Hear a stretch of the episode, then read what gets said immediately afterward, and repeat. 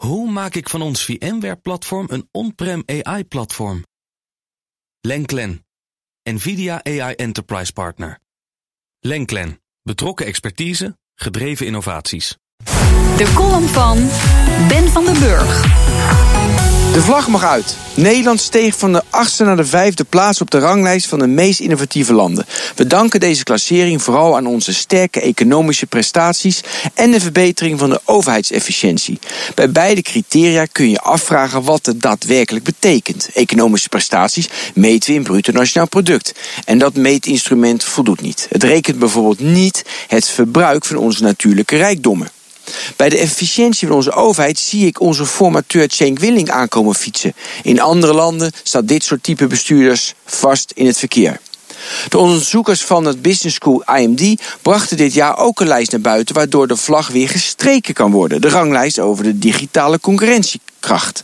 We eindigden op de zesde plaats. Dat lijkt niet slecht, maar het zegt iets over de concurrentiepositie van de toekomst. En daarom zouden we juist op deze lijst hoger moeten staan. Nu laten we Singapore, Zweden, de VS, Finland en Denemarken voorgaan. En dat is niet nodig. Neem Denemarken.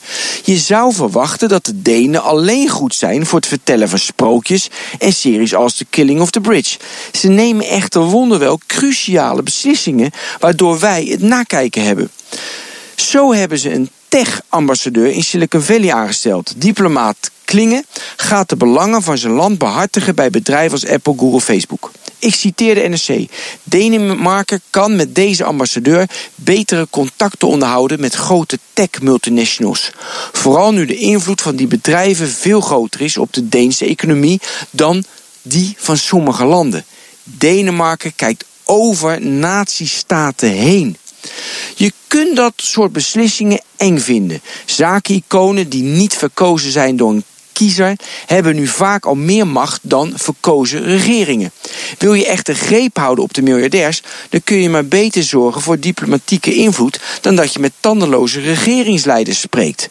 We moeten dus de Denen eerst volgen. Als Cenk Willing zijn taak volbracht heeft en we over een nieuw kabinet beschikken, dan benoemen we diplomaten die naar invloedssferen kijken en niet naar landen. Vervolgens overtreffen we de Denen. We praten al jaren over een minister van Technologie. Ik zeg doen, niet langer over nadenken. Een overkoepelend ministerie, cybersecurity, wetgeving rond deelplatformen, privacy, netneutraliteit, hulp voor het OV-chipkaart-debakel, onze digitale rol in de wereld. De lijst is eindeloos.